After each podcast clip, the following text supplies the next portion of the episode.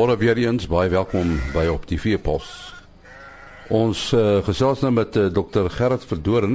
Uh hy praat nou in sy hoedanigheid as die president van die SA Jagters en Wildbewaringsvereniging. Nou, julle het 'n aanlagting sessie verlede week gehou uh in in uh Pretoria uh om meer aanlagting te gee oor uh die hele ding van met wildboer en kleurvariante. Kan jy miskien net opsom waaroor dit presies gegaan het, Gerard? Kyk, en daar's 'n gewellige nuwe wenning in Afrika van seker deel van die wildbedryf om te begin intensief teel met wild. Ehm um, om bepaalde genetiese um, eienskappe uit te haal en dan te wat mens noem amplifiseer, in ander woorde die goed meer te laat word. So onder andere wat mens noem die kleurafwykings soos die wit diere, die ehm um, swart diere en so voort. En tweede plek dan om bepaalde horingnetes te gaan teel vir sogenaamde trofee. En uh die Suid-Afrikaanse Jagterwildbewaringvereniging het baie ernstig kommer oor hierdie stories want uh, dit is besig om ons inheemse wildbevolking heeltemal te kompromiteer in terme van die genetiese integriteit daarvan en ook wat ons baie bekommerd oor is is die aanpasbare pasbare daarvan. Nou as jy enige bevolking van diere vat en jy begin bepaalde genotipes uitlig om dit te kan amplifiseer terwyl van kom ons sê groter horings of dan 'n bepaalde kleur dan is om te torring hierdie genetika en ons weet nie altyd hoe daai hele genesamestelling vir die diere lyk nie want saam met daai genotipe wat dan uitgelig word word ander gene ook nou natuurlik um, versterk of geamplifiseer. Ehm um, een van die groot probleme kom daar uit dat die diere verloor hulle ehm um, aanpasbare by die omgewing want onthou deur miljoene jare heen het die diere ontwikkel met evolusie om aan te pas by 'n bepaalde ekologie en 'n bepaalde klimatologie en 'n bepaalde spesiekompleks. By die oomblik as jy begin torm in die gene dan verloor mens daai aanpasbaarheid en sulke diere um, gaan nie kan voortbestaan in 'n vrye natuurlike omgewing nie.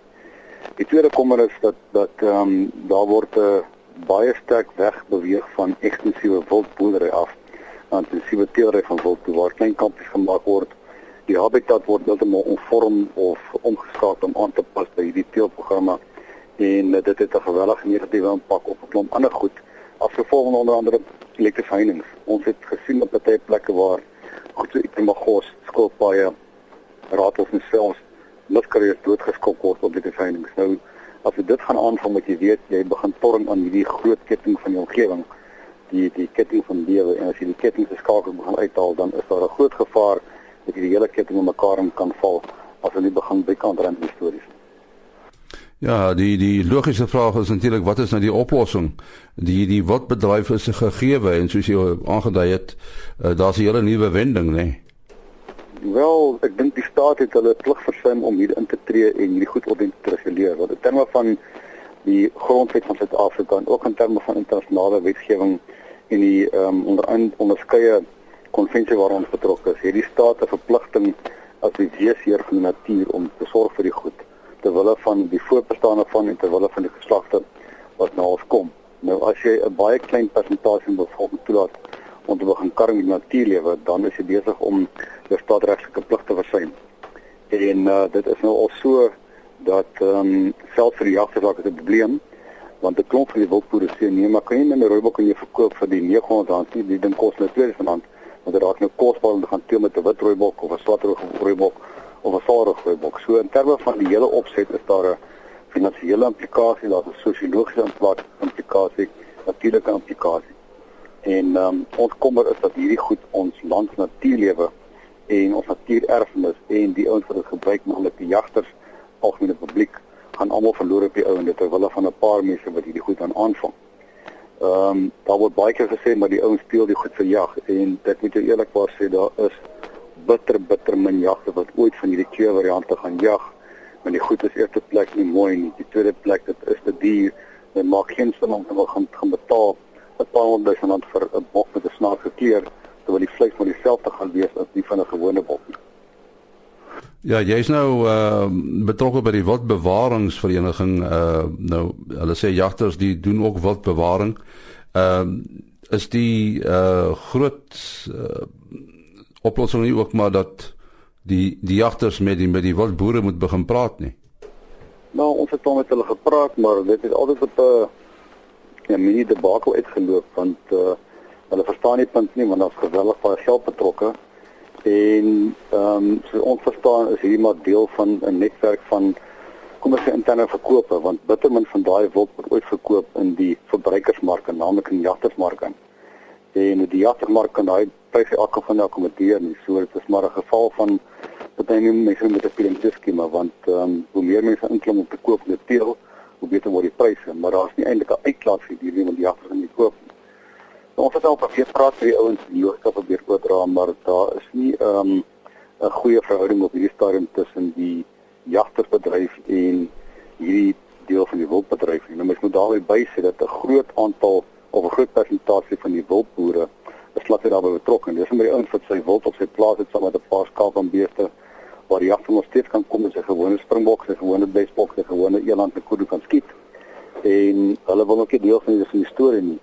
Ehm um, so die mense wat betrokke is by die intensiewe teel is maar baie klein persentasie, maar hulle maak hulle self uit asof hulle namens die hele die hele jag en wildbedryf praat. Dis nie feit nie. Ons praat met die gewone wildboer op 'n baie gemaklike basis. Daar's 'n klomp van hulle wat lede by ons is wat ook sê maar ons net ons gewone bokke aanhou vir die gewone vir die gewone jagter met die gewone pryse. So ons gaan nie kan sê dat ons dit dink die wildbedryf te gaan oor 'n baie klein persentasie van die wildboere wat betrokke by intensiewe teel van hierdie wild. Uh, is dit nou al te laat om iets te doen?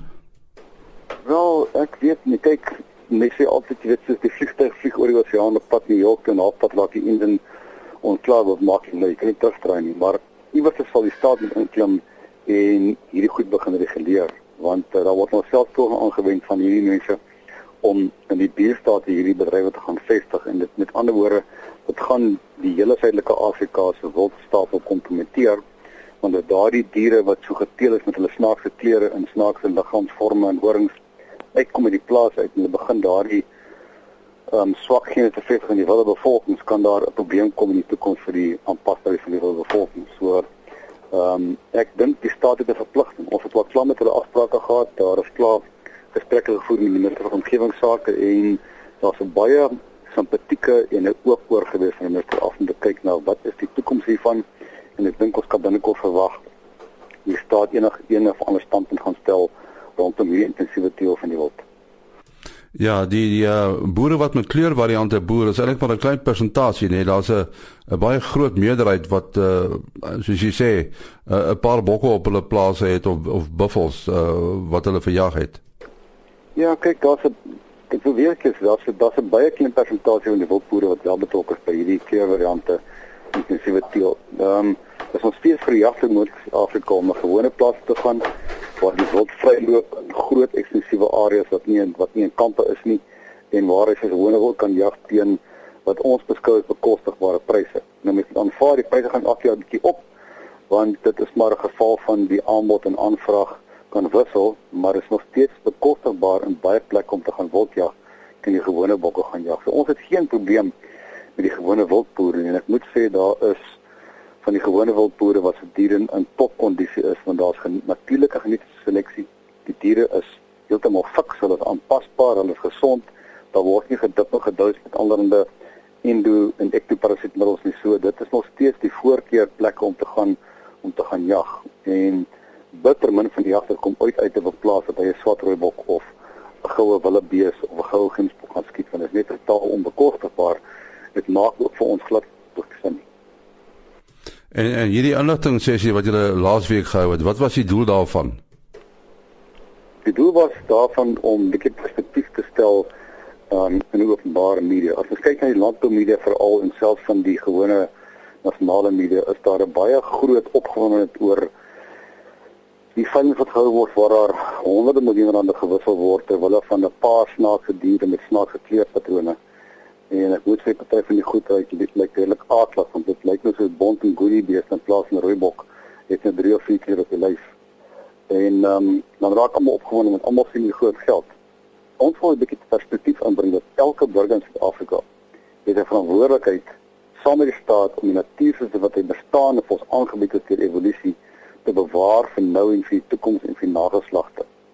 En as ons nie begin briek aandraai of eendag van 'n teenvoete kry vir hierdie um, genetiese seleksie die teel van spesifieke genetiese kenmerkende diere nie, dan gaan ons 'n probleem optel in die toekoms. En ons moet net vir die publiek buite kan sê daar's 'n ander perspektief as die wat in die pers sien wat sê maar hier's nou 'n wit rooi mok verkoop vir 'n paar miljoen of 'n uh, snaakse bof verkoop vir 40 miljoen. Dit is van dinge so ons wil maar net die die balans in prentjie inbring. Uh want ons jagters is bekommer oor die jagters wil nie van die goed weet nie. Hulle wil nie aan deelneem nie maar die die pers blaker dit uit as dit die toekoms van die wildbedryf in Suid-Afrika is en ons as jagters beskou onsself definitief as deel van daardie toekomsplanne van hierdie mense.